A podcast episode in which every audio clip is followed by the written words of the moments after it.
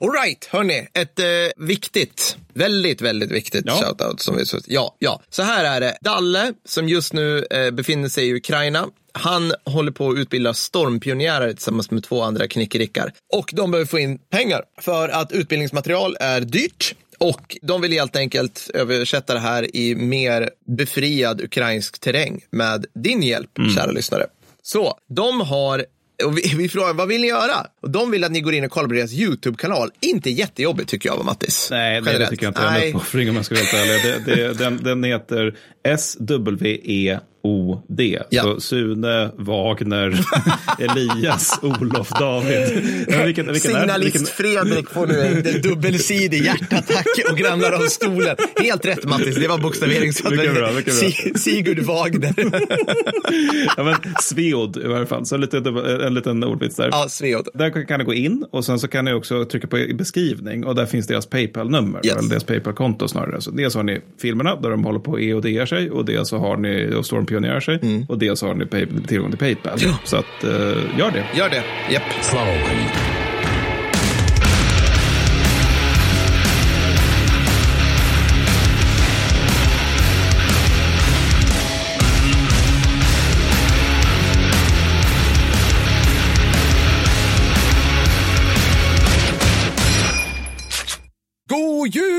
Vackra lyssnare, eller ja, hej också kan man säga om vi är, inte lyssnar på det. Men vi släpper det här på juldagen Ja, i varje fall. Precis. Och vi spelar naturligtvis in det på juldagen också. Ja, det gör vi såklart. Ja, ja absolut. Ser jag lite glögg kring kinden på dig? Ja, men absolut. Absolut. Liksom. Vill du lukta på glöggen pojke? Vi, vad firar man? Är det katoliker som firar på juldagen? Eller är det bara Sverige som firar på julafton? Eller hur är det? Eh, Daniel? Nu ska vi se. Det, nej, men firar inte amerikaner och engelsmän på juldagen också? De har väl hela det där med att strumpor ska fyllas så att man plockar ur dem från på juldagen. Ja, ja. Jag vet, inte, jag vet faktiskt inte varför det- här, jag lovar, oavsett, oavsett om det här avsnittet blir bra eller inte, så vet jag nu, och det vet du också, att det här Ja. är det som kommer vara ämnet för vår Discord. Det här Ja, är det av, ja. hashtag avsnittsdiskussion kommer handla om. Ja, Var, ja. varför och hur. Det blir alltid så, det är underbart. Det är alltid det, så här, det som inte går att förutse, det, det som de, de hakar upp sig på och börjar prata om. Per ställer en så här lösryckt fråga som inte har någonting med avsnittet att göra. Lång Discord-diskussion om det här. Där till slut någon kommer fram. Per, så här föreligger det. Jaha, tack så hemskt mycket, säger jag. Jo, men det var, det var lite grann som vi släppte 142 om, om eh, och dumma sätt att dö på Mm. krig. Då, då, var vi pratade lite om simning och att folk drunknade hela tiden förr. Och då, då, så mycket riktigt var det väldigt mycket prat om simning på Discorden. Men det är också så här att de kommer ihåg så häftigt. Så här, någon skrev till mig, Per, eh, så här, bara helt i, i discorden, bara, Per, ordet du söker är autoklav. Och jag bara, jag minns inte att jag har sökt, jag minns inte. Och så bara, jag var tvungen att googla, ja just det, det steriliserar kirurgiska instrument. gör ju en autoklav. Det, som Ja. är, det som är riktigt marigt annars, det är när folk kommer så här, hörni, i avsnitt 66, bara, Ja. ja, där, där sa vi saker. Det, Inte det, ens du kommer ihåg vad vi sa i 66. Nej, nej, det gör jag inte. Det tänker jag faktiskt beredvilligt erkänna. Det, så, är det, så är det, tråkigt nog. Uh, mitt minne har sina gränser. Eller vänta nu här. Ja, nej. Ja, men det är, det är fantastiskt. Ja. Men det här är återigen eh, utsätter vi er för ett avsnitt som är väldigt essayistisk Ja, understreckare i SvD-känsla. Ja, alltså det, det, eh, det återigen blir en slags, en slags malande kulturpoddsdiskussion. Det är några av mina favoriter att göra det här. Ja, jag med. Alltså, det här är Statsvetenskapspodden. Men jag tycker vi har här. för få sådana här, vi, vi liksom lägger ut texten om hur det ligger till. Ja. podd. Alltså så här, extremt breda sammanhangen under 2023. Jag tycker vi har varit ganska specifika då. Så det, det, Ja, precis. Vi har grottat ner oss för mycket tycker jag Mm, också. Nu, ska, nu är det dags att liksom få lite luft under vingarna och dra på de här stora växlarna som, som är underbyggt av magkänsla, något jag läste på Twitter. Alltså, det, det vi är ute efter TED-talk egentligen, eller hur? Ja, ja, alltså, det- ja. Någon som Det det står har. liksom så här, do you realize, jättelång konstpaus, that tomatoes, enorm på en konstpaus, are red. och sen så där man. Och så, så vindlande resa genom världshistorien när man förklarar Ja. varför tomater är grunden till västerländska civilisationens uppgång. Får man ha Fredrik på scenen i TED Talk som lägger in så här show true, show true, alltså ljudeffekter? Eller är det liksom, är det så jävla mallat de här TED Talken? Jag hoppas det Nej, jag vet inte, men det känns som att det var någon som började med den där konstpausen och sen så, sen så gjorde alla det. Gör man? Är skitsamma. Jag Vi ska inte. Mm. prata om att krig är långsamt. Ja, det ska vi göra. Vi har lite shoutouts shoutouts. Eller har ja, en. Och det här är från patronen Bror Rickard Petrusson, vilket är så här härligt munknamn på 1300-talet som Ja, jag jag gillar också var episkt. Ärade poddstjärnor, nu är det så att jag efter en hel del om och men övertalade mina kamrater Snipers Grimberg och Pagrotsky Junior, helt normala namn, att börja lyssna på er. Men jag har inte tänkt be er tjata på dem att bli patroner. Nej, men du behöver inte tjata på dem bror. Jag tjatar på dem. Bli patroner genom att gå in på kickstore.com slash patrons. Eh, nej, förlåt. Patreon.com slash. Fredrik skakar alltid på huvudet. Klipp om det. Utan, då, men bror Grimberg då, eller bror eh, Rickard skriver då att utan han vill bara önska er välkomna in i värmen. Det är ett rent nöje att kunna diskutera olika avsnitt över en öl med dessa herrar. Vad roligt. Ja, ja, Tack för det. Mm. låter alldeles utmärkt. Och jag har en, ett utskrik till eh, vår patron eh, Hardus som skrev på Insta att eh, blev rekommenderad att lyssna på Krigshistorie-podden från flera håll. Däribland med den fantastiska rekommendationen av en norsk kompis. Det snackar om krig som vi ger, läser sig in på några väldigt nischer och snackar dritt om det i en timme. Eller timme tror jag blir. Alltså Jag förlåt. du, jag, jag, jag du vet, att- jag vet att- norska nu också. Ja, alltså, jag vet att vi har norska lyssnare och jag ber så hemskt mycket om ursäkt. Jag kan verkligen inte uttala norska. Alla heter Kjell. Ja, det det, är de det enda jag vet om våra norska lyssnare. Nej, men sen, sen så fortsätter då eh, Herdus med att invända mot mitt uttal av latin och jag vill här stryka under att eventuellt så är det svenska jag kan uttala ordentligt, inte någonting annat språk. Och sen ville han att vi ska prata om torskkrigen mellan alltså, brittiska imperiet och Island Ja. på, ja, under kalla kriget. Då. Ja, ja. Eh, kanske på den skulle jag säga, Ja, men, ja. men ja, ja, jag tror inte det dog så många till att börja med. Nej, jag tänker lite grann, när går det, jag kollade på den här dokumentären för många år sedan om de här, äh, de här äh, black whalers, nej, alltså de här äh, som åker runt i en båt och typ så här rammar japanska Ja, valfiskare. det. Vad hette den? Sea Shepherd eller något sånt där. Ja. Kommer du ihåg? Alltså, Ja, ja, där- Är det krig? Alltså jag blir så här lite alltså det asymmetrisk finns ju, krigföring på något Det vis. finns ju något som heter banankrigen också, men det är ju också bara ett rent handelskrig. Alltså det, det, alltså så här, statsvetare, det här kommer, kommer faktiskt bli lite statsvetenskap här. Mm, ja. Och statsvetare brukar ju definiera krig som, eller det är nog vanligare i alla fall, att det är mellan två stater. Här, redan här har vi problem med definitionen, eller den som har läst Ja. historia. Korrekt. Och sen så har vi också då att det ska vara minst tusen döda per sida vill jag minnas det var.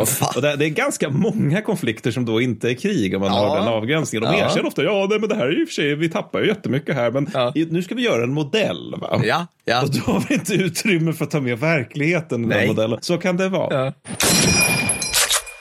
Ja. Men eh, apropå det så ska vi nu prata om att krig är långsamt här. Ja, det ska vi göra. Ja. Det är ohyggligt långsamt. Och Ja. jag tror, är vi, är vi, har vi valt det här lite grann för att det är lite så här försvarstal för Ukraina? Va? Alltså ja, att vi lite, försöker lite, förklara. ja, lite alltså, så här, varför tar skiten inte slut egentligen? varför, varför skiten inte slut? Varför kan de inte bara rulla över ryssarna? Ja, Eh, alltså visst. så här, alla sådana saker. Ja, visst. visst. Alltså, exakt. Och när vi spelar in det här nu så får jag i och för sig prata om att ja, men i väst vill man ha fredsförhandlingar och sånt där. Eftersom vi i väst ser det här som en fotbollsmatch och inte som att Ukraina måste då vinna det här för annars så kommer vi ha problem vi också ganska snart. Eh, är min spontana Ja. gissning. Ja. Eller i varje fall eh, NATO-länder, vilket ju Sverige snart är. Hmm, oj då.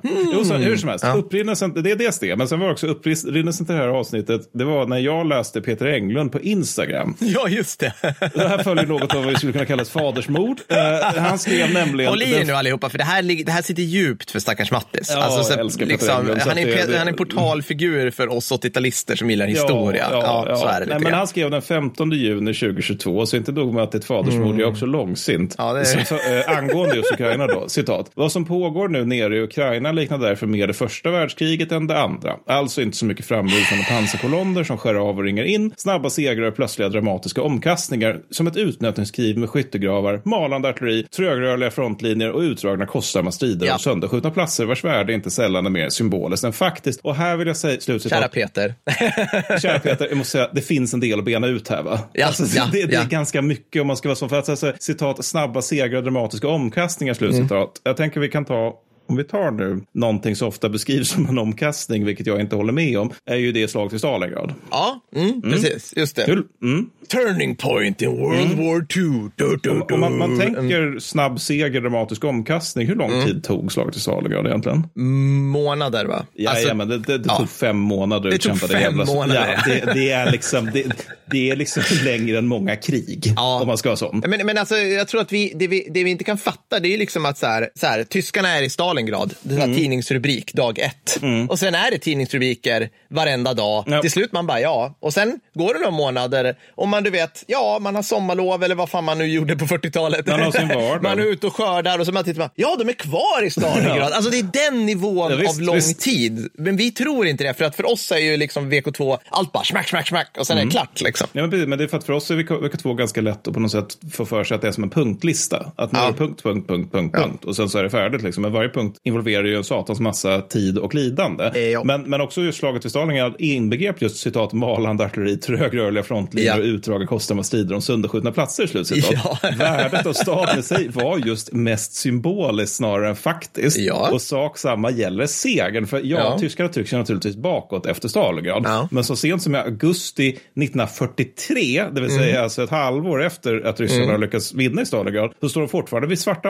havets östligaste ände. Ja. law Mm, ja, mm, första mm. april 1944 så står de väster om Krimhalvön. Mm, mm, mm, det innebär ju att det, det är liksom inget hastigt omkast. Det här Nej. är ett ganska trögrörligt avancemang västerut för ryssarnas del. Då. Ja, och liksom, vad ska vi ta med? Vi kan, vi kan, vi kan begå liksom hedersmord, höll jag på att säga, på alla vändpunkter. ja. Jag läste relativt nyligen en bok om El Alamein ja. och tänkte så här, nu ska jag sätta mig in i det igen, för jag har glömt bort hur det var. Läste om det och det är oerhört töntigt. Alltså, och det är också samma sak. Alltså, vad sa du Peter? Var det liksom om en meningslös så här, eh, högst symbolisk plats. El Alamein är en busstation som bara råkar ligga där den ligger. Alltså det finns, ingen, ja. det finns inget särskilt med den. Nej, och även det slaget pågår ju åtminstone en och en halv vecka. Och mm. det är ju kort, men det är inte heller 1600-talskrigföring. Nej, alltså, det absolut är här, inte. Vi är på ett plats och sen så förändras världshistorien nej, på en Det gör det inte under 1600-talet heller kan jag säga. Och det föregås, och det Ella Main också, det föregås ju en viss nednötning av tysk förmåga på generell basis på alla fronter. Viss nednötning, det, det, liksom, ja. det är inte bara där som vi har tydliga omkastet. Och i båda fallet, Stalingrad och Ella Main, där har vi det här, det dröjer ytterligare två och ett halvt år innan tyskarna förlorat. Ja, ja. Precis. Så då är frågan, är det här ett snabbt omkast, en drama? Alltså det är inte... Nej. Det, det, det, ja. Nej, men, och liksom, folk säger så här, ja, men det, var, det var en bländande seger. och så här. Alltså, det, var, det var en seger, det var en brittisk solklar taktisk seger. och så. Mm. Men alltså, man måste komma ihåg att Rommel anföll med typ tre hela stridsvagnar och en, en, en mugg bensin. There is no place in heaven for you. Alltså, ja, det, var liksom, ja. det var det han hade ja, mot så här, åttonde armén som precis hade fått så här, 300 nedskärningar. Alltså, det var liksom så här, nej, det hade, det, han, hade, det hade, han hade aldrig kunnat ta typ Alexandria eller Kairo. Nej, det, det, hade det aldrig det, skett. Det är mer kulminationen av respektive sidas industriförmåga. Ja, ja precis. Och det, som, råkar liksom... vara, som råkar vara just där. Det ja. kan lika gärna ske någon annanstans i öknen. Liksom. Men, men sen kan man bara snabbt, man kan ju säga Guadalcanal också, för det pågår ett halvår, resulterar i en amerikansk seger och att de tar det strategiska initiativet och mm. återigen det tar ytterligare två och ett halvt år innan japanerna förlorat kriget. Mm. Alltså orsaken till att jag tog just dessa tre slag, det är att alla tre har många gånger beskrivits som just avgörande. Ja, men vändpunkter. Ja, och alla tre också eh, figurerar lustigt nog i Peter Englers senaste bok, då, mm. Nätter strömmar. Alltså, min slutsats av det här stickprovet det är att andra världskriget förvisso, det erbjöd förvisso citat framrusande pansarkoloner som skär av och ringer in, slutcitat, men färre citat snabba segrar och plötsliga dramatiska omkastningar, ja. slutcitat. Ja. Och ingenting av ovan är nämligen vare sig snabbt eller utgör en dramatisk omkastning, detta oavsett om man ser till tid eller rum. Alltså ja. det, det, det, liksom, det, är inte, det är ingen snabb omkastning vare sig, vare sig hur långt man ur, lång tid man urkämpar slagen eller liksom hur lång tid det tar innan man tas till liksom fiendens kula så att säga. Nej. Och, och även också är lite intressant i den här jämförelsen är att VK2 i Englunds exempel ställs i kontrast med VK1 där mm. det förstnämnda beskrivs indirekt då ja. som det snabba kriget. Ja. Precis. Medan första världskriget är det långsamma kriget. Det är det långsamma kriget. Glöm inte det, mm. Mattis. Mm. Mm. Problem här är att första, andra världskriget höll på i sex år. Mm. Första världskriget höll på i fyra. Ja, Precis. Så att jag, alltså taktiskt långsamt, strategiskt avsevärt snabbare. Ja. Alltså det, ja. det, det, är ändå två års skillnad. Så mm. det, det, det, liksom, det, är inte någon liten marginalgrej sådär då. Ja, och man väljer ju också att VK1, bara alla bara, Peter också verkar det som, han sa VK1, västfronten. Åh, vad lång tid det tog. Ja. Östfronten kan jag säga. ja. Böljande kavalleriarméer red mm. galopp i veckor hit och dit. Alltså, slag, jag ska ta upp slaget vid Megiddo här alldeles strax. Ja, som kommer ja, vara. Alltså, det, det, det, är liksom, det är sånt, det är så, det är så mycket man väljer verkligen så här, det är långsamma. Ja, jo, mm. det, det, är urtypen liksom. Ja, men i Sons ja. också jättelångsamt. Och även om det återigen är taktiskt långsamt så är det fortfarande så att trots att det är Sons så är långsamt, det är trattigt, mm. det är mm. onödigt och det är en mm. mardröm. Vi är fortfarande på att det håller inte på lika länge som andra världskriget. Faktum är att det håller på från 1915-1918 så det är avsevärt kortare än andra världskriget ja. då. Så det är med andra ord snabbare än andra världskriget världskriget i tid. Och det är inte helt irrelevant när det handlar om krig som kostar miljontals människor livet varje år de fortgår. Liksom. Nej, nej. Men, men, men så att, som med andra ord, så, på något sätt så skulle man kunna tänka sig då och dessutom, så här, om man nu kommer från Kina tycker andra världskriget så börjar andra världskriget 37, då är det ännu längre. Men skitsamma. Alltså, det, nå, någonstans är det så att krig av den här skalan är en ganska långsam affär. Då. Och jag tänker nu prata lite grann om mellanstatliga krig och försöka beskriva att de är långsamma och varför de är långsamma. Ja. Så, så, så jag ber om ursäkt till alla. Men så här va, vi börjar med den sexigaste rubriken någonsin. Ja. Utifrån Uppsala Conflict Data Program så har Center for Strategic and International Studies Det här är människor som tar sig själva på väldigt stort allvar. Om Ja, man jobbar lovar, på ett sånt ställe att vill det jag är bara så här, tre stycken doktorander som har Ja. köksvrå tillsammans. Och har liksom, nu har vi en think tank i vårt vardagsrum tillsammans med vårt Playstation 3. Precis. Vi har genomskådat all gammal mög som har skrivits tidigare. Vi, precis så. vi måste skriva white papers. Äh, ja. Det kräver att olika regeringar tar oss på allvar. Ja, ja. Men, men det de har kommit fram till är i alla fall att av alla krig som utkämpas från och med 1946 och framåt så slutade 26 procent inom 30 dagar. Ja. Så en fjärdedel ungefär. Och det här, är, det här är ju liksom lång tid om man tänker att folk lider och dör över en månad. Men, Ja. men samtidigt är det här nog vad vi tänker oss som ett kort krig. Mm. Alltså en månad, när man ser på det i backspegeln, inte så långt krig. Nej. Eller hur? Nej, jag köper det. Sen har vi ytterligare 25 procent som tog slut inom ett år. Och även det är ju liksom långt utifrån återigen folk dör och lider och så vidare. Men, men om hundra år så tänker jag ett år, det kommer man nog också se som ett ganska kort krig. Kanske lite för sig beroende på hur blodigt det är. Alltså Ja. att, jag tänker så här, om Iran-Irak-kriget hade komprimerats i all sitt lidande till ett år, då hade vi nog fortfarande tyckt att oj då, det här gick någonting lite snett. Ja. Men, men sen så är det det här med att resterande 49 procent höll på i snitt i över ett årtionde. Ja, ja, ja. Exakt. Så det är inte majoriteten, men det är en jätte, jättestor minoritet som håller på i tio år i snitt. Vilket Ja. innebär att flertalet också håller på att avsätta längre. Och det är inte heller unikt för 1900-talet. För att alltså, om man utgår från Cato-institutet så var genomsnittstiden för ett krig som utkämpades av stormakter under 1600-talet 12 år. Det är ganska lång jävla tid. Och under 1700-talet så gäller det liksom 4 till 9 år där någonstans. Och obs, problem med Cato, det är så här, vad är ett krig, vad är en stormakt? Ja. Och så här typiska Ja. frågor ofta ställer till statsvetare. Vad är ett krig? Vad är en stormakt? Stormakt, det är en väldigt tydligt det lite så här- definierad grej. Där. Ja, det är mer, mer så här feeling, men, Ja. men vi får acceptera de här problemen. Och också så här, när Cato, varför är ni libertarianer? Men skit i det.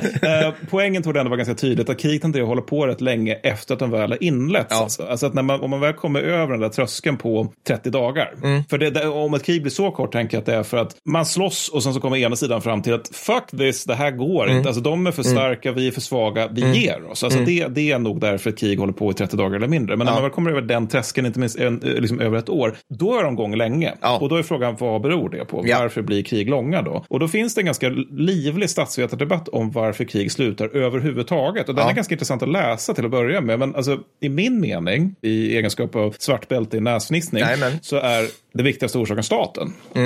Eller en variant av det som vi ser som en stat. Alltså att när vi kommer över den civilisatoriska komple- komplexitetsgraden, slår varandra med pinnar, så finner vi någon form av organiserade samhällen. Och är de här någorlunda jämnstarka, då tenderar krig att bli långa. Och det spelar liksom inte så stor roll här, för att alltså om du har jämnstarka stater inom stora citationstecken på medeltiden, då kommer kriget vara långt av det enkla skälet att ingen riktigt kan få en tydlig fördel, givet att man inte bara, det här är ju meningslöst, nu Ja. slutar vi. Och vad man med med styrka här då, det går ganska ofta att översätta till effektivitet. Alltså att svenska staten på 1600-talet skulle vi idag se som ett skrattretande u-land. På 1600-talet så var den extremt stark på så vis att den hade koll på sina medborgare, Ja. som vi ofta pratar om. Och det Ja. hade den också en effektiv kontroll över sina medborgare. Man kunde liksom på ett effektivare sätt än grannar och fiender, läs Danmark, vrida ut pengar och bondsöner ur Sverige. Ja. Och, det, och det gör liksom att, att vi på den tiden faktiskt kan ta oss an stormakter. Alltså liksom någon Ja. form av motsatsexempel är ju typ Spanien som har världsomspännande imperium. Ja, ingen koll. Nej, nej, men alltså det är så, det är så, här, det är så här, utanför Madrid så bara bor det människor. Vi vet inte. Kan vi beskatta dem? Ingen aning. Vi vet att det finns en hertig i Kastilien och sen vet vi att det, finns här, det kommer en så här guldgaljon en gång per år. Och så, mm, ja, bra. Och det är det som är statskassan som Ja, kommer ja. åkandes där. Ja. Helvete, Engelsmännen sänkte den. Det var skit också. Men och orsaken till att det är så här, det är att stadsteknologin för det mesta är effektivare än dödsteknologin. Alltså att det går snabbare att få fram mer kött än det gör för fienden att förgöra sagda Ja. för kött. Ja. Alltså därtill relativt nyligen, så det, alltså, det är relativt nyss som arméer kan röra sig snabbt och flerdimensionellt. Ja. Att alltså, under tider moderna krig så är det liksom arméerna, de är ganska små och de travar mellan olika landskap för att hitta sin logistik. Det vill säga städer som de kan bränna och ta mat ifrån. Och det här gör det ganska enkelt för fienden att hålla sig undan fienden. Eller, så, eller fi, lag A kan hålla sig undan från lag B ganska enkelt ifall de behövs. Alltså, Ja. Klassiker, Johan Baner har en för liten armé för att spöa hela jävla österrikiska armén Ja. efter Gustav Adolfs död. Ergo retirerar han och han lyckas med det också. Ja. Och det är inte så svårt för att alltså, de kommer dö av bajsvattensjukdomar medan de förföljer. Mm. Och samtidigt är det också slå, svårt att slå mot de statsorgan som ändå finns som tillser att nya fiendearméer upprättas eftersom återigen arméerna är små och ganska dåliga. Alltså det, det, är liksom, det är svårt att slå ut staten på den här Ja. tiden. Och det här gäller även in i 1900-talet. För Alltså, så här, om vi tar andra världskriget som exempel och det snabba kriget så har vi att amerikaner och britter kan slå mot tyska städer under Ja. andra världskriget, eller hur? Ja, ja. Ja. Mm. De kan bomba dem. Mm. Ja, man kan bomba dem. Det kan man absolut göra. När slutar tyskarna att spy ur sig infanteridivisioner, Per? Ja, ja, men sommaren 1945 typ. Alltså, det, Mm, det är Några liksom- månader efter nederlaget. Ja. men, nej, men, exakt, Ja. Mm. nej, men exakt så. Alltså, det, det är liksom, man kan verka mot fiendens statsorgan under det kriget. Ja. Men det, och det, det hjälper lite grann. Men Mm. det är inte det som avgör. För återigen, statsmaskineriet är för väl utvecklat för att man helt ska kunna paralysera det med bombningar. Och det gör att man kommer fortfarande kunna skicka ut en massa 16-åringar för att slåss mot eh, T34 på östfronten tills Berlin har fallit. Ja, men eh, när vi säger, jag gillar det där, och jag tänker också när du säger välutvecklat, Mm. då, alltså, man måste, det ska man tänka då, det är att, liksom att statsapparaten, alltså, det, det finns, det, det är nästan som en, alltså, det är nästan som en superpower Mm. på ett sätt. För att det finns någonstans en, ett lager av ämbetsmän Mm. som har fått uppgiften stampa fram X, eller Ja. alltså så här, gör X. Liksom. Här har ni resurser, här har ni, och de kommer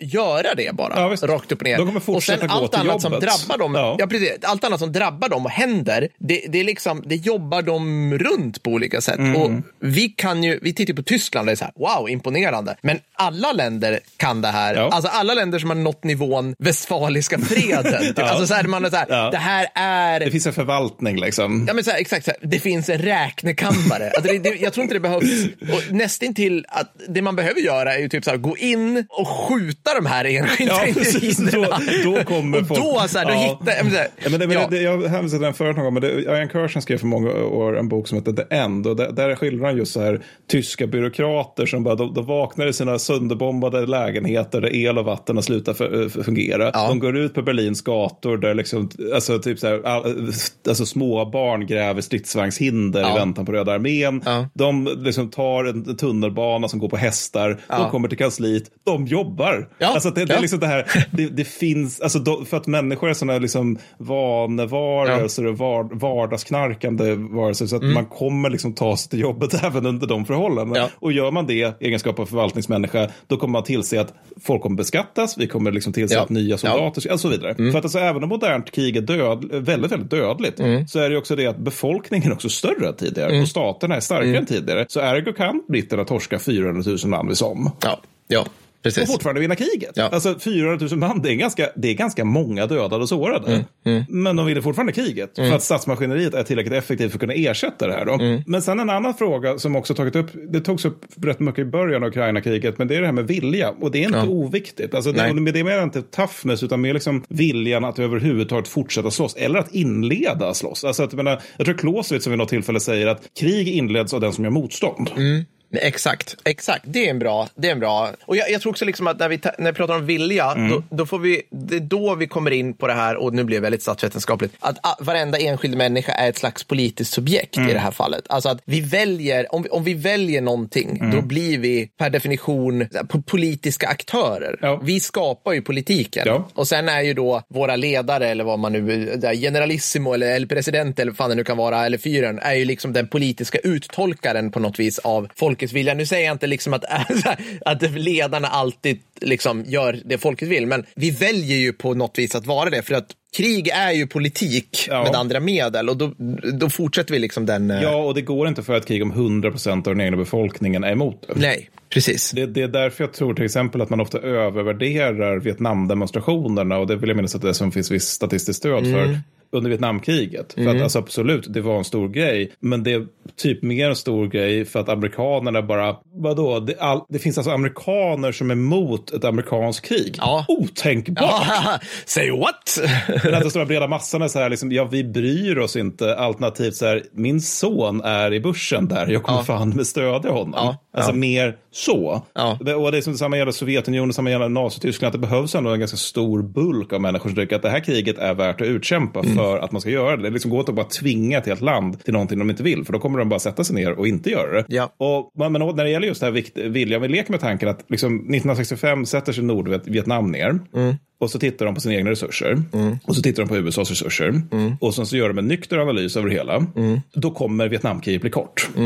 Mm. Och det som, det som däremot gör att det blir långt och dessutom en Nordvietnamesisk seger, det är att Nordvietnam bestämmer sig för att nej, nej, nej, nej vi kommer orka med det här. Ja. Vi, vi har viljan och uthålligheten att fixa Ja. ett jävla krig med fucking USA. Och likaså så är det liksom så här, Iran-Irak-kriget blir ganska mycket kortare om inte båda sidor får för sig att det är viktigt och centralt att liksom slåss i åratal kring den gemensamma gränsen om diverse träsk och ökenbitar. Ja. Så liksom, och sen kan ju viljan också uppstå väldigt mycket. Alltså det kan ju vara liksom en sann känd patriotism, det kan vara fanatism Mm. i fallet Nazityskland, det kan vara strikt självbevarelsedrift om man ser Sovjetunionen Mm. under andra världskriget. Men sen någonting jag tror är jätteviktigt i väldigt många krig och den är lite tragisk också, det är alltså den här känslan av att snart så löser det sig. Ja, vi är hemma till jul. Den, är det den liksom? Nej, mer- sank kost-grejen. Ja, ja, ja. Alltså att liksom, och det tror jag gäller för liksom andra värld, eller första världskrigets alla sidor. Mm. Iran-Irak-kriget, Vietnam, Vietnamkriget, Koreakriget, förmodligen Ukraina-kriget också. Mm. Alltså att man har den här, vi, vi, liksom, vi har en vilja som springer ur att om vi bara gör en liten ansträngning till, Mm. en liten uppoffring till,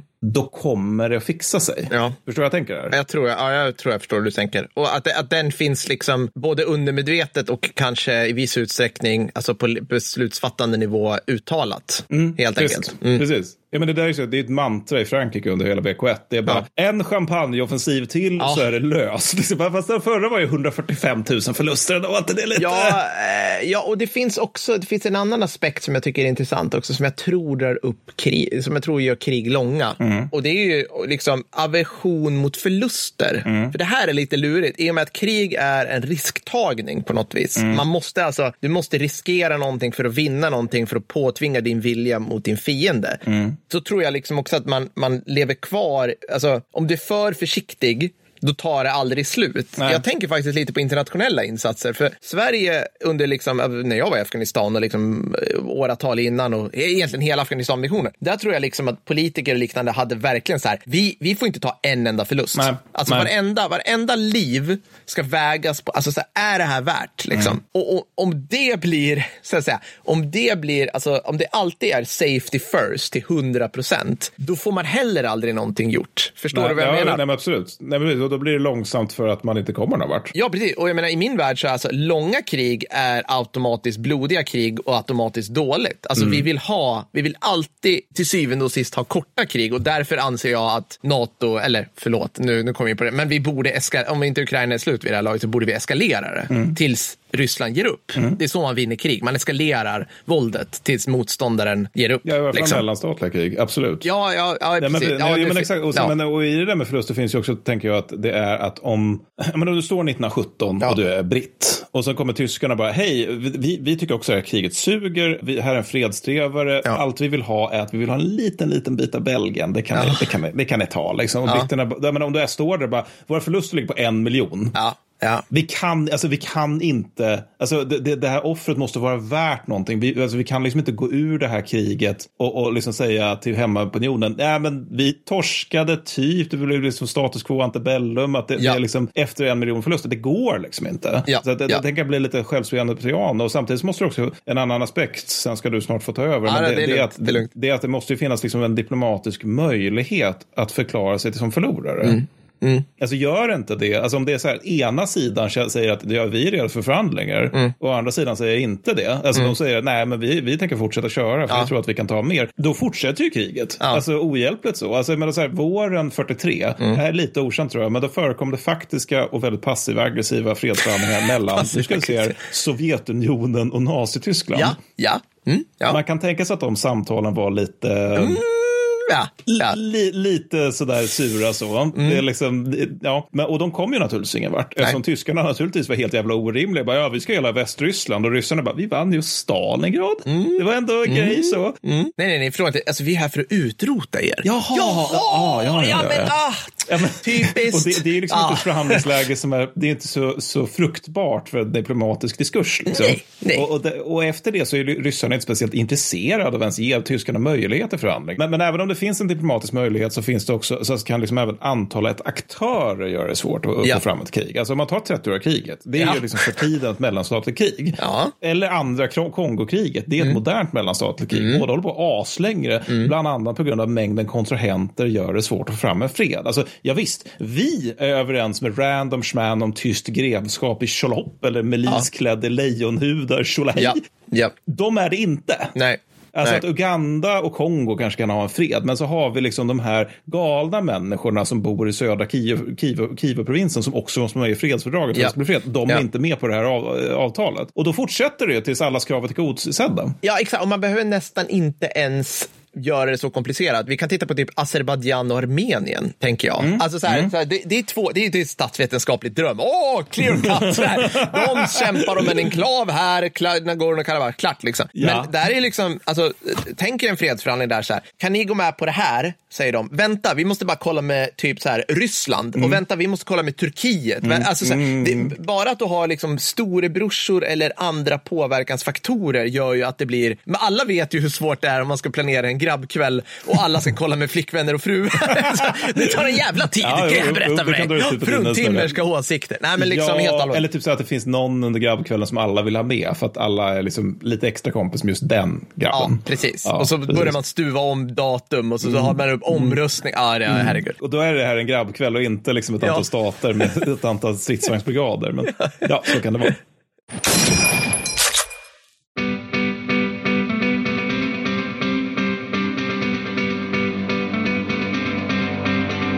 Yo Gösta högskola och Ved AB bjuder in dig till en A-kurs i statsvetenskap på Gösta University. Just nu bara 45 000 kronor per termin. Han står för föreläsning och kurslitteratur där Gösta utlovar kärnan i det som är statsvetenskap. Alltså powerpoints med fyrkanter som det går pilar emellan. Det är så det är. Eh, föreläsningarna sker på Svetlanas hudvård och bar i Gnarp under happy hour varje fredag. Mattis, visst är du redan uppskriven på B-kursen där ni ska göra ett besök på Tierps kommunhus, va? Jajamän. Åh, otroligt utvecklande, hörni. Skriv upp dig nu.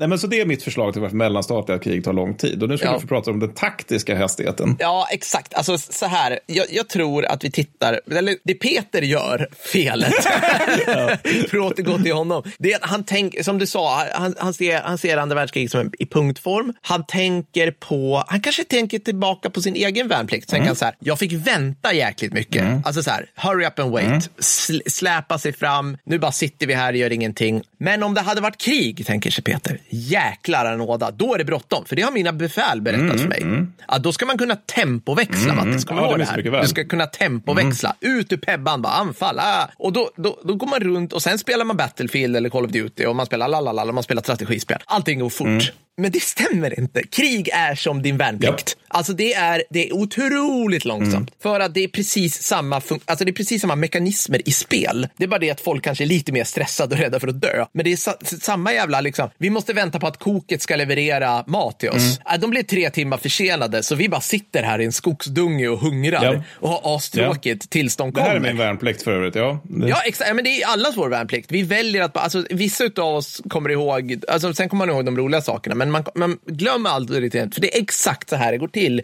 i krig. Och liksom, jag gillar Peters, liksom, så jag tittar på när krig går fort. Vad menar man när krig går fort? Okej, Irak, Mattis, Ja. 2003, Ja. invasionen av Irak, det var verkligen så här, nu ska vi se, det var i mars 2000, när tog vi studenten? Vi tog, okej, så vi var inte, vi var inte så här berusade på att ta studenten där riktigt. Nej, det var för 2005. Men jag tror vi gick, vi gick inte första ring där bröt ut. Det måste vi ha gjort. Ja, Ja. precis. Skitsamma. Men där, där gick det fort. Alltså, så amerikanska tredje divisionen, mekaniserad, tryckte pedalen i botten den 19 mars 2003. Mm. Den 2 april befann de sig i utkanten av Bagdad. Alltså det här är, okay, alltså, det här tyckte man var bländande snabbt. Okej? Bländande snabbt. Mm, det Åh, låter herregud. snabbt också. Ja. Det låter Mm. snabbt. Vi, vi, vi bryter ner det här. Kan vi få höra Per räkna ingen? Just det här med siffror. 13 000 T72 år i Östtyskland. Det är en sträcka på över 48 mil som de brände, igen, brände igenom på 15 dagar. Mm. Det är ett snitt på strax över 3 mil per dag. Det är inte fort. Alltså jag vill bara Det, nej, det är inte. Nej. nej. det är inte. Alltså det är, in, alltså, det är ganska fort under andra världskriget, men det är inte asfort. Ja, alltså, vi, nej, vi, vi kommer till VK2 också. Alltså, nej, nej, precis. Alltså, enligt Google Maps så kan du köra från Kuwait flygplats till Bagdad på strax under sju timmar. Du kan köra, okej. Men hallå, skriker ni nu. de skjuter ju inte på dig då, Per, om du Nej. kör. Nej, nu kanske de gör det i Irak, jag vet inte. Men, nej. Ja.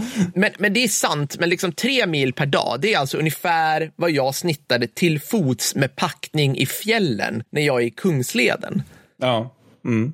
Vi tar det igen, till fots med Ja, packning ja, i fjällen. Ja. Det är pedagogiskt. Du är inte på en motorväg i ett fordon. Absolut inte. Liksom. Okej, ingen sköt på mig i fjällen. Nej. Men, fuck, men kom Det var i igen, bergen det är ett då, alltså det- det- fordon liksom. Ja, alltså, så här, ja, ja. Det, alltså, här, och det här är ändå alltså vad en amerikansk mekaniserad division klarar av under de bästa tänkbara stridsförhållandena. Ja, alltså precis. För du, har en armé mot dig som har varit utsatt för sanktioner i eh, vad blir det, alltså, över nästan 15 år. Ja. Du har totalt och förkrossande luftherravälde. Ja. Mm. Och du är amerikanska armén också. Alltså du är en ganska proffsig organisation. Du, du, du, alltså, du, tre, just tredje, tredje mekaniserade, de hade varit i Kuwait i sex, mer än sex månader Ja, för ja. att förbereda sig. Planerat, akklimatiserats, förövat, testat allting, fyllt upp alla oljor, smörjt alla smörjnipplar, you name it. Alltså de var så jäkla redo. Och så bara, nej, och så bara, Tre mil per dag. Ja, Alltså, just- det, just. alltså, det går liksom, jag kan liksom, och, och, jag menar, de hade alltså även mandat att så här, kringgå alla motståndsnästen. De behövde aldrig ta strid. Aha, så okej, ja. Mm. Det bara, bara på djupet liksom. Det, det, Ja, det, men det, det, du ska det, göra. var, Ja. det var vissa gånger så här, någon sköt på dem, men det var, det var inte särskilt mycket sånt. Utan det som hände, det är att det var den totalt normala friktionen i krig. Och jag kommer till det. Men bara för att sätta det, jag ska sätta deras framryckningshastighet i en historisk kontext. Det här är också till Peter Englund. Vid slaget vid Megiddo 1918 Mm. så framryckte den brittiska chefen Allenbys kavalleri 167 kilometer, alltså nästan 17 mil, på tre dagar till häst i Mm. öken 1918. För den som inte vet, under det väldigt långsamma första världskriget. Då. Återigen, Ja, det glöm inte det. långsamma. Glöm inte det. Det här är väldigt... ja. Ja. Okej, men då kanske man tänker sig då att de här långsamma tredje ID, de kanske var sådana här töntiga moderna människor, Matti, som inte hade tillräckligt med toughness Nej, och var det. extremt så här, förlustkänsliga. Ja, kanske. ja, alltså bara, ja. Precis. Sa- Safety first. Så här. Kan, det vara, kan det vara så då, att de bara minsta lilla, ah, nej, det ligger, det, nu, nu ligger det en skenminering eller något sånt. Då stannar vi i en halv dag och Ja, du vet. De är inte som de manliga ryssarna som vars krigskonst går ut på att om vi inte tappat en generation per terränghinder, då har vi liksom inte vunnit det här kriget. Another victory, Commander. Nej, nej, de kanske är så töntiga då. Så här. Och så att den, den framryckshastigheten kanske är töntig. Vi, vi tar Patton som exempel, Mattis. Han är ju inte en general som man förknippar med typ verksamhetssäkerhet. Eller så här, Nej, nej. slow is smooth, smooth is fast. Alltså, Eller, eller ens logistik. Alltså, han Nej. var ju inte... Han, ja, nej. Nej, och, eller liksom, han brydde väl sig om sina soldater, men liksom Ja, det inte, det, skulle, det skulle vara ära ändå, så här, framåt. Det var allting så var framåt. Okej, Alla skulle bara burna vad de än kunde. Så fort, så fort de brutit, ut, i, brutit igenom de tyska ställningarna i Normandie, då var det bara full throttle. Okej, Mad Max Rusha. Jag vill, bara säga, jag vill bara lägga upp det här. Så enligt Chester Wilmot och hans bok The Struggle for Europe, så var Pattons tredje armés utbrytning ner i franska länet Brittany från efter operation Cobra. Om ni ser här framför, vi lägger upp lite kartor. jag. Det var extraordinärt snabbt, Mattis. Slutcitat.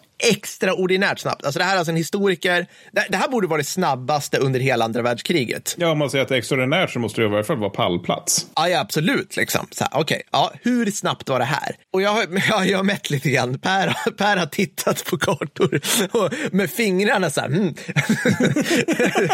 Okej, så det snabbaste jag kunde hitta var mellan Avranches och Brest, som Patton framryckte. Det är 27 mil. Okej, ja. Ja, så det, det är en bit. Det tog dem sex dagar dagar ja. för en hisnande 4,5 mil per dag. Ja, alltså det är ju snabbt under andra världskriget i och för sig, men, men det är, alltså, du tar ju samma sträcka på en cykel utan problem. Ja, och liksom jag, jag läste lite så här, bara, okej, så att de, de alltså en, okej, men det är VK2 kanske ni säger Per. Det är liksom, man hade, man hade 40-tals stridsvagnar. Ja, men alltså en Sherman kunde komma 24 mil på en tank på väg. Ja. Och i nedförsbacken med Solsjön och hemlängtan så var den uppe och nosade i 50 kilometer i timmen. Så det här borde också ha gått mycket, mycket Ja, snabbare. för, för att alltså, men också att att de, de, de, de här liksom vansinniga hastigheterna, det är ju snarare östfronten 41-42. Alltså armégrupp mitt 42, eller 41 och armégrupp syd 42. För då är man ju uppe så här 60-80 kilometer per Ja. stridsdygn. Ja. Och sen också, just det, Ribalco också 1943, Ja. när han tar 75 kilometer per stridsdygn. Det, det har vi tagit upp förut, Ja. men det är ändå värt att stryka under att även han kunde göra det. Men, men, men, men det, är ju, det är ju där liksom, och det är ju också, det är ju exceptionellt. Det är exceptionellt, absolut. Men, men, men, men det är ingenting som man kan generalisera till resten av andra världskriget eller ens för tyskar under andra världskriget eftersom de gör inte den typen av tempo 43. Nej, det typ så här 40 kilometer där någonstans när man faller. Nej, Typ exakt. exakt. ja. Jag, jag, precis. Jag, jag ska säga ärligt att jag, jag valde bort det lite grann som exempel bara för att det, det, det, är, liksom, det är så orimligt. Eller, Ja, ja, det är som, alltså, det en det outlier. Det är liksom. outlier. Det är inte det som är normala under andra världskriget. Jag, menar, återigen, jag, jag har mässat den här många gånger, men alltså, bagation brukar alltid sägas som att det här är det snabba och Ja. det är 20 kilometer. Alltså, det, det, det är liksom inte, om det är det snabba så är det, det normala ganska långsamt Ja. Så fall. Vilket det också var. Det var ofta på tre kilometer Ja. någonstans. På det. Ja, men, precis, så att, så att, ja, ja, men precis. Jag tycker Patton är bra, för där är någon, någon har ändå sagt så här, hörru, George, det finns logistik. Åh! alltså någon har ändå påtalat att Ja, vissa så just det. begränsningar, eller liksom, Ja. eh, att det finns, det finns en stabsarbete bakom sig. Det är liksom inte bara så här frifräsande eh, tyska divisionschefer. Ja, Nej, nej, det är sant. Nej. Men så det, det är någonting vi missar här, Mattis, när vi säger att det här är extraordinary fast. Alltså, Mm. för vad är det som gör att man inte kan alltså, röra sig som pansrade förband mer än gånghastighet? Och liksom, så här är det, och det här ska jag bara säga liksom rakt upp och ner. All statistik pekar på att så fort det överhuvudtaget finns ett motstånd, och det, är Mm. alltså, det, kan vara, det kan vara en tioåring med luftgevär som skenminerar framför en pansardivision, då bara, alltså, så här, japp, japp. då bara stannar allt i en dag minst. Då, och då blir det bagration-takt på allt. Mm, Då blir det eh, liksom snäckhastighet. Och det, det här märkte man också när väl, alltså, om vi tyckte det gick långsamt för tredje infanteridivisionen, så när de kom fram till Bagdad Mm. i april och stötte på organiserat motstånd, då, blev, då pratade vi, då sjönk ju framryckningshastigheten till några kilometer per dag. Ja, liksom. visst. visst. Men ja, saker som sakta ner framryckning och nu blir väldigt mycket Petson och pannkakstårtan-style här nu. Det, alltså, det, här är, det här är saker och ting som jag drog ur röven för jag har var, jobbat lite i Försvarsmakten. Det här är alltså ingen, ingen exhaustive list. Allt, men så här, Nej, nej. Okej, anfallskilarna, alltså tätförbanden måste tanka för det kan hända att det blir strid i nästa terrängparti och då vill vi ha full tank. Ja, ja. Så, då, så vi tar inte ut maximal räckvidd här. Nej, nej, och sen tank. Nej, fullt det blir mer rimligt. Ja, det blir fler, fler standard. Två, någon sta- stabshjälte har fått för sig att man kanske stöter på fler befästa bunkrar slash skytte än pansar. Mm. Ergo så gör vi halt och lastar om i ammunitionslagringen. Ja, visst. Också, också fullt rimligt. Jag, jag har Eh, fullt rimligt. Det är liksom ingenting av det här som låter dumt, skulle jag säga. Nej, Alltså, absolut, absolut. Och det här är ju liksom, obs, alltså det här är ju det förband gör mot sig själva. Det här har Ja. återigen ingenting med civilläget Nej, eller fienden att nej, göra, nej, utan det här nej. gör vi bara mot oss själva. Ja. Chefen vill ha flygspaning på någon bro längre fram innan ni rullar inom skotthåll för bron. Mm. Halt och vänta på att få kontakt med flygvapnet. Det Ja, kan ta... Alltså så när du, och det här är kul, för att återigen, när jag spelar strategispel, då trycker jag på en knapp och så trycker jag där vill jag ha flyganfall eller flygspaning och då kommer det exakt. Newsflash, det funkar inte så i Nej, verkligheten. och det du upplevde ju också i moderna krigsmakten. Om man Ja, tänker sig ja. under andra världskriget eller hur det första världskriget ja, när man ska ha luftunderstöd. Alltså, det tar en stund. Nej, men även, även, jag kan tänka mig även liksom att så här, alltså, Irak 2003, där de hade liksom hela amerikanska flygvapnet i ryggen, så är det så här, men alltså nej, men eh, nu är det nio fika på flygflottiljen. kan ni vänta till tio? Ja, och sen, men också att ja, så här, även liksom. de har ju sina friktioner som du beskrev för ditt, eh, ditt markförband. Alltså att även de vill ju ha full tank, även de vill att allting ska vara Ja. liksom så optimalt som möjligt innan de åker iväg, i regel. Ja, ja, precis. Teknisk chef sitter och bläddrar lite listor i sin vagn. Han inser helt plötsligt att banden på vagnarna har rullat för långt nu. Mhm. Och det kan ju hända att fle- om flera vagnar då band får bandkrängning, då blir det dåligt. Så Ja. att vi stannar, gör halt, vårdar, kanske byter band. Det tar flera timmar kan jag berätta. Mm. Någon får för sig att eh, en flygplats längre fram, eller det behöver inte ta något så häftigt, vi kan ta en, en tågstation längre fram. Den ska luftburna styrkorna ta istället för er med pansarkil. Det. Fast ni är någon mil ifrån. Ja. Alltså ni kan ta den hur länge som helst, men vi vill att de luftburna tar det. Ja. Varför? Ära, ära. jag. de vill göra någonting. Alltså, Ja. Mm. och så här är det i krig också, vill jag bara lägga till. Väl skildrat i Generation Kill till för övrigt. Det, det, det, rakt av det där händer ju då. Ja, ja, visst. Nej, men så, här. Så, så förutom vill jag bara säga det, förutom anledningarna ovan, som helt och hållet sker utanför strid, och som är med, så kvarstår också faktumet att man blir skittrött av att framrycka i militära fordon. Jag hade skrivit stridsvagn här, men det spelar ingen roll. Vi Nej. kan ta galten, vi kan visst, ta visst. en jävla GV. Alltså, det är inte som att köra en bil, utan du, liksom, du sitter på spänn, du har andra uppgifter att göra, du lyssnar på radion, du ska prata med någon. Du, är du chef så planerar du ju hela tiden framåt. Ja, okej, klockan är så här nu, när åt plutonen senast? Ah, så bara håller du på så här. Kör du stridsvagn, vi har ju suttit i en stridsvagn och eh, kört lite simulatorer på BTA. Det är asjobbigt. Ja, visst, visst. det låter jättehögt, det skallrar överallt. Du måste, är du liksom, framförallt skytt, då sitter du och tittar i det här jävla sugröret och Ja. liksom lutar dig. Ja, men också du, du vaggas fram och tillbaka av fordonet som Ja, ja, studsar visst. fram genom bus, busken. Liksom. Ja, Alltså, alltså, det, jag, det, det, eh, det jobbigaste, jag har ju jag, jag har kanske bandat, man kan ha bandat 10 mil i en stridsfordon 90. Mm. Och då, var jag, då satt jag bara i bollhavet. Så här låter det. Höj volymen i dina hörlurar. Mi- Hela, alltså, man blir skittrött. Man blir helt förstörd. Så att, alltså, ja, det är inte skönt att anfalla, så ska jag säga. Nej. Och då är det ändå tusen gånger bättre att åka runt i ett modernt stridsfordon än en Sherman. Ja, Alltså, jag, Ja, eller T34, där vill jag minnas att det var ganska vanligt att förarna somnade för att den skakade så mycket. Alltså Ja, de vaggades till sömns av vagnen. Ja, precis. Och du sitter piss... Alltså det är... Oh. Mm. Okej, jag, jag kommer inte försätta tillfälle att prata om mig själv här nu. För det är Bra, ju, bra. så, här. så lite anekdotdags. När jag var i Afghanistan 2012, vilket är ju en bedrift jag tänker leva på hur länge som helst. Nej, men så här. Det, det, det är nog, jag tror att många känner igen sig. Det kunde ta åtta timmar att ta sig en halv mil. Ja. Så. Mm. Man stod i en fordonskö och väntade. Och väntade och väntade. Och, så, och då, då var det alltså, varför tog det sån tid? För att vi, vi, vi skulle, alltså vi kanske skulle några mil max och vi började åka så här 04.30 på morgonen från CNL, från ka- kampen. Och så skulle vi in i en by, Bajsby, som ligger liksom väst of Mes. Okej? Jo, men då är det så här att det kan finnas idéer. Ja, just det. Så det, ja. det, som läng, det som skedde längst fram var typ skyttet gick med minsökare. Ja. Alltså, tänk alltså, betydligt långsammare än promenadtakt. Ja. Eller så åkte, så hade jänkarna hade någon markradar Mm. på någon grej som åkte så här 10 kilometer i timmen. Liksom, det var aningen snabbare. Liksom. Men det var, det var liksom framryckningstempot. Så att, och runt oss, för det här var en jäkla kohort med bilar, så liksom stridsfordon 90 som, alltså kan, som är gjorda för att studsa fram i en norrländska skogar i 60 knyck, framrycker alltså med kryphastighet. Mm. Ja.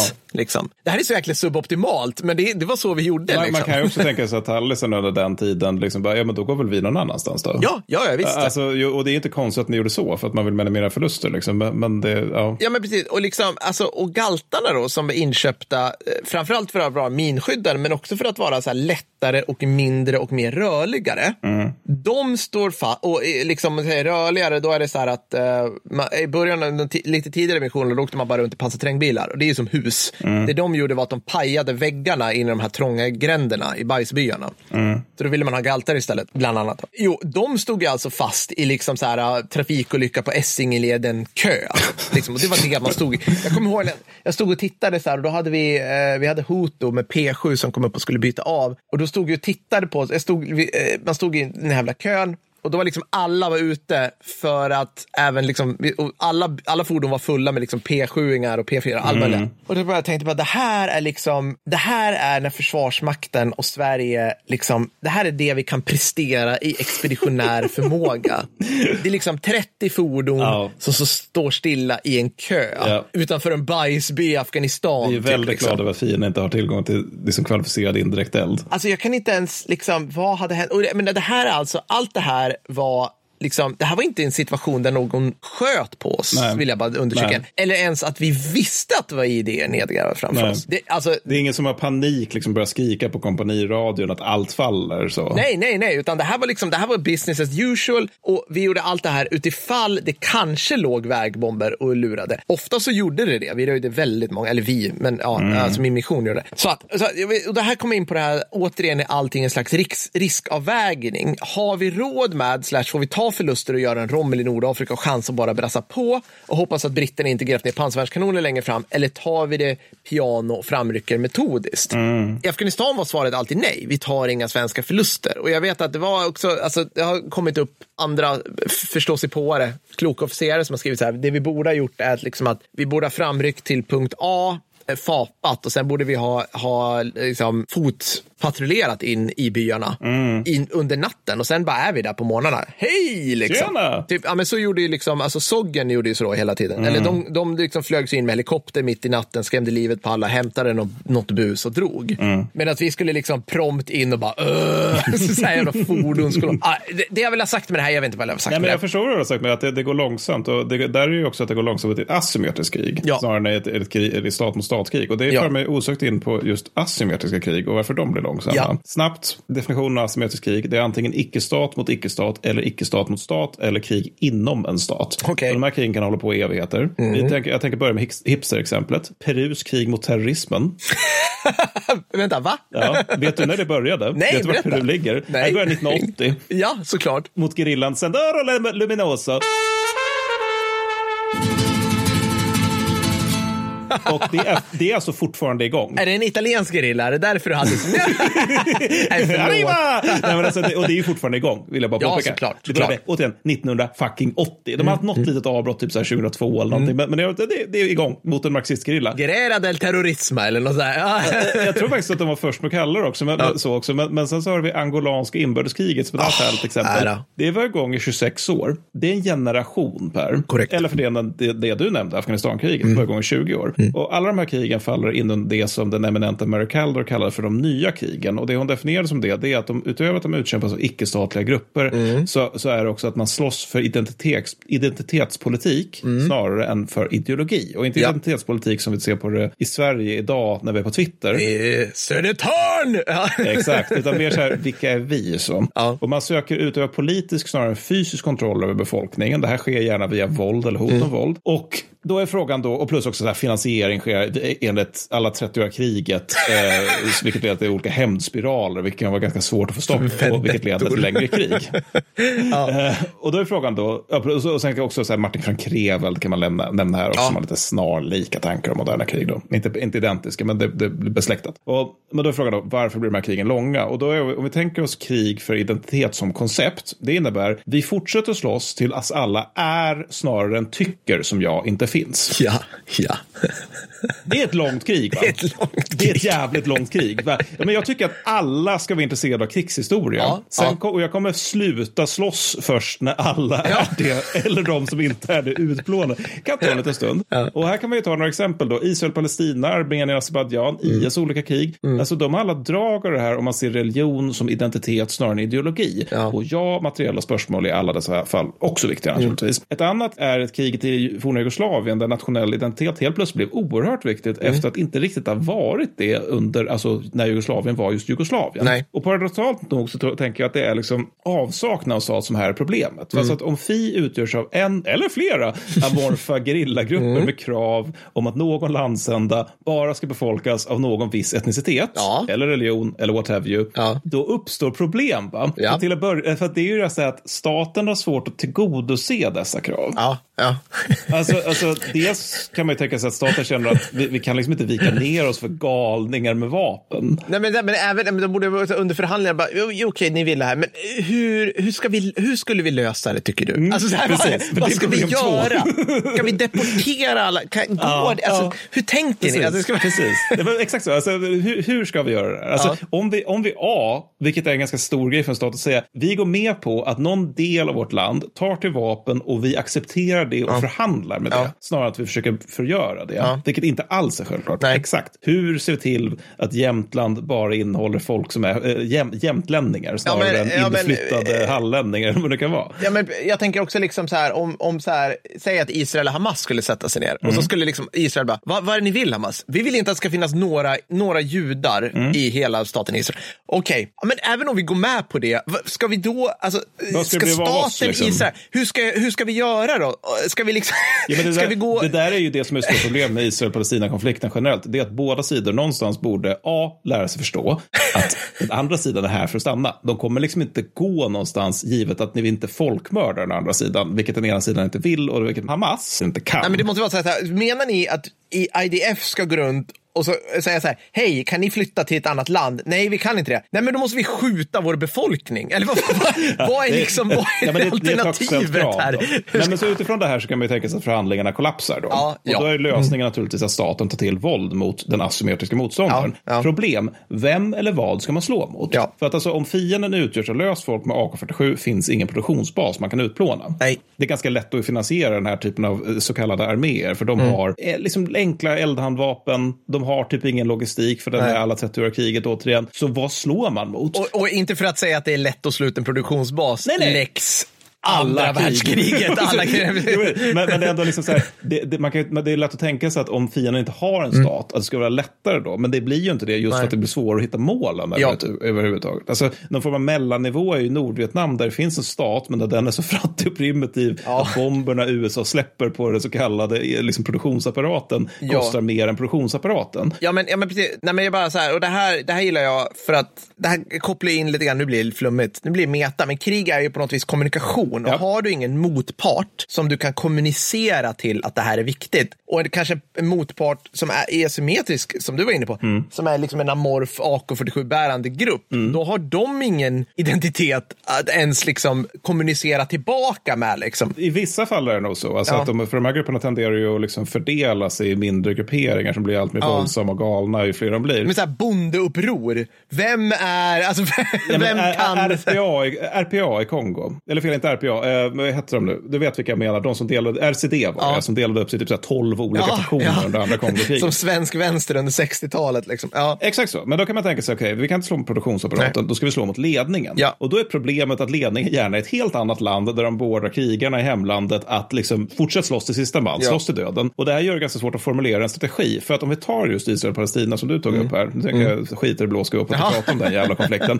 det är att citat utplåna Hamas, Ja. Mm. det är är en, ett slagord. Ja. Mm, Det är precis. inte en plan. Nej. Alltså, och för grejen är att Hamas-liknande grupperingar är, det är liksom nästan som en slags idéer. Och som vi varit inne på många gånger, idéer är ganska svåra att döda. Ja, du kan liksom inte ta, om du är Netanyahu kan du inte gå med den här skriftliga ordern till en general i IDF. Nej. Och bara så här, det här ska vi göra. Han bara, var vänlig definiera Hamas. Ja, precis. Är vänligt definiera utplånas. Ja, hur bryter vi ner det här till en operationsorder för våra brigader? Så här. Ja, men alltså, det är hopplöst. Men, men, men, men sen är det också liksom att militärt våld inte med nödvändighet är lösningen på en asymmetrisk motståndare. Man tar IRA och liknande grupperingar. Ja, de är egentligen rätt små, de är rätt illa beväpnade, de är illa utbildade, de är ganska svaga. Ja. Men de strider också i ett gränsland mellan polisiär och militär verksamhet. Ja. Så ska man få bukt med IRA, säg, vilket också skedde, Ja. då är det någonting som krävs. Alltså det krävs brittiska soldater som patrullerar Belfast naturligtvis. Mm. Men det krävs också poliser som griper folk och sostanter Mm. som tar hand om folk. Alltså, för, för det, här, det här tror jag att du skulle säga att den här Mm, typen av processer tar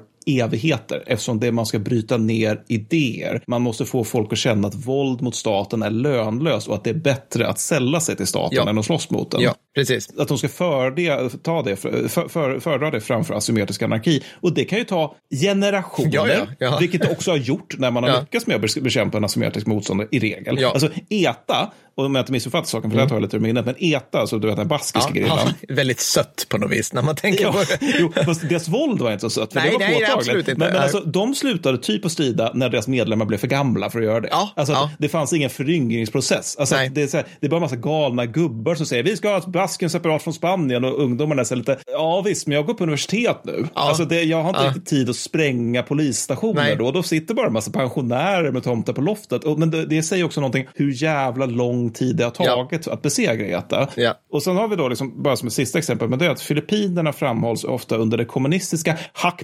Hackbalahap-revolten på 50-talet som att ha varit alltså, genomamerikaniserat. Och det var därför Hackbalahapperna inte kunde besegra filippinska staten. Då. Den slutade 1954, den revolten. Amerikanerna intog Filippinerna 1902 efter tre års gerillakriget. Efter det stred man mot Moros fram till 1913.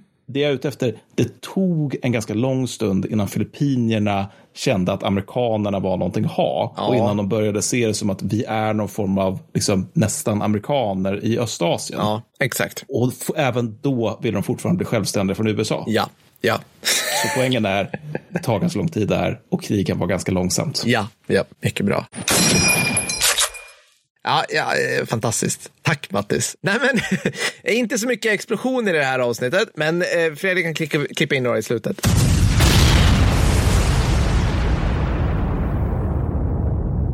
Jag tyckte det var jättekul. Åh, vad roligt det var. Det, vi kom ju, det kom ju, den här podden kommer ju urarta till någon så här hopplös moras av sådana här avsnitt. Jag och Mattis har läst, vi har läst för mycket. Men Så här, namedroppa Martin van Krevel i så här varannan mening. Så här, Clausewitz. Jag älskar det. Hörni, Ja, nästa avsnitt är... nästa avsnitt är ju faktiskt ett extra avsnitt. Ja. Bara för Patrons. Vi vet inte vad det blir i skrivande stund, va? Nej. Eller i pratande stund. Det gör vi icke. Nej, men det blir lite längre än vanligt för att det är faktiskt 150! Lite av ett jubileumsavsnitt. Det blir det. Tycker jag är fint. Jag tror det blir något stor svenskt då, eftersom patronerna ska få rösta i frågan. Det tror jag också. Det tror jag också. Det kommer bli grymt. Och efter det är det Hürtigen, va? Ja, sen ja, Koreakrigets andra halva. Sen blir det Hürtgen. Så det blir, det blir mycket så här amerikaner fryser-mys. Ja, just det, det var Korea först. där. Och den, ska, den pucken ska du få ta det mesta av. Ja, ja, det ser jag jättemycket fram emot. Ha, fantastiskt hörni. Ha en fortsatt mysig juldag om ni lyssnar på oss här. Ja. Eh, Så hörs vi snart igen. Ha det bra. God jul och gott nytt år. Ha det gött. God jul. Hej då. Hej då.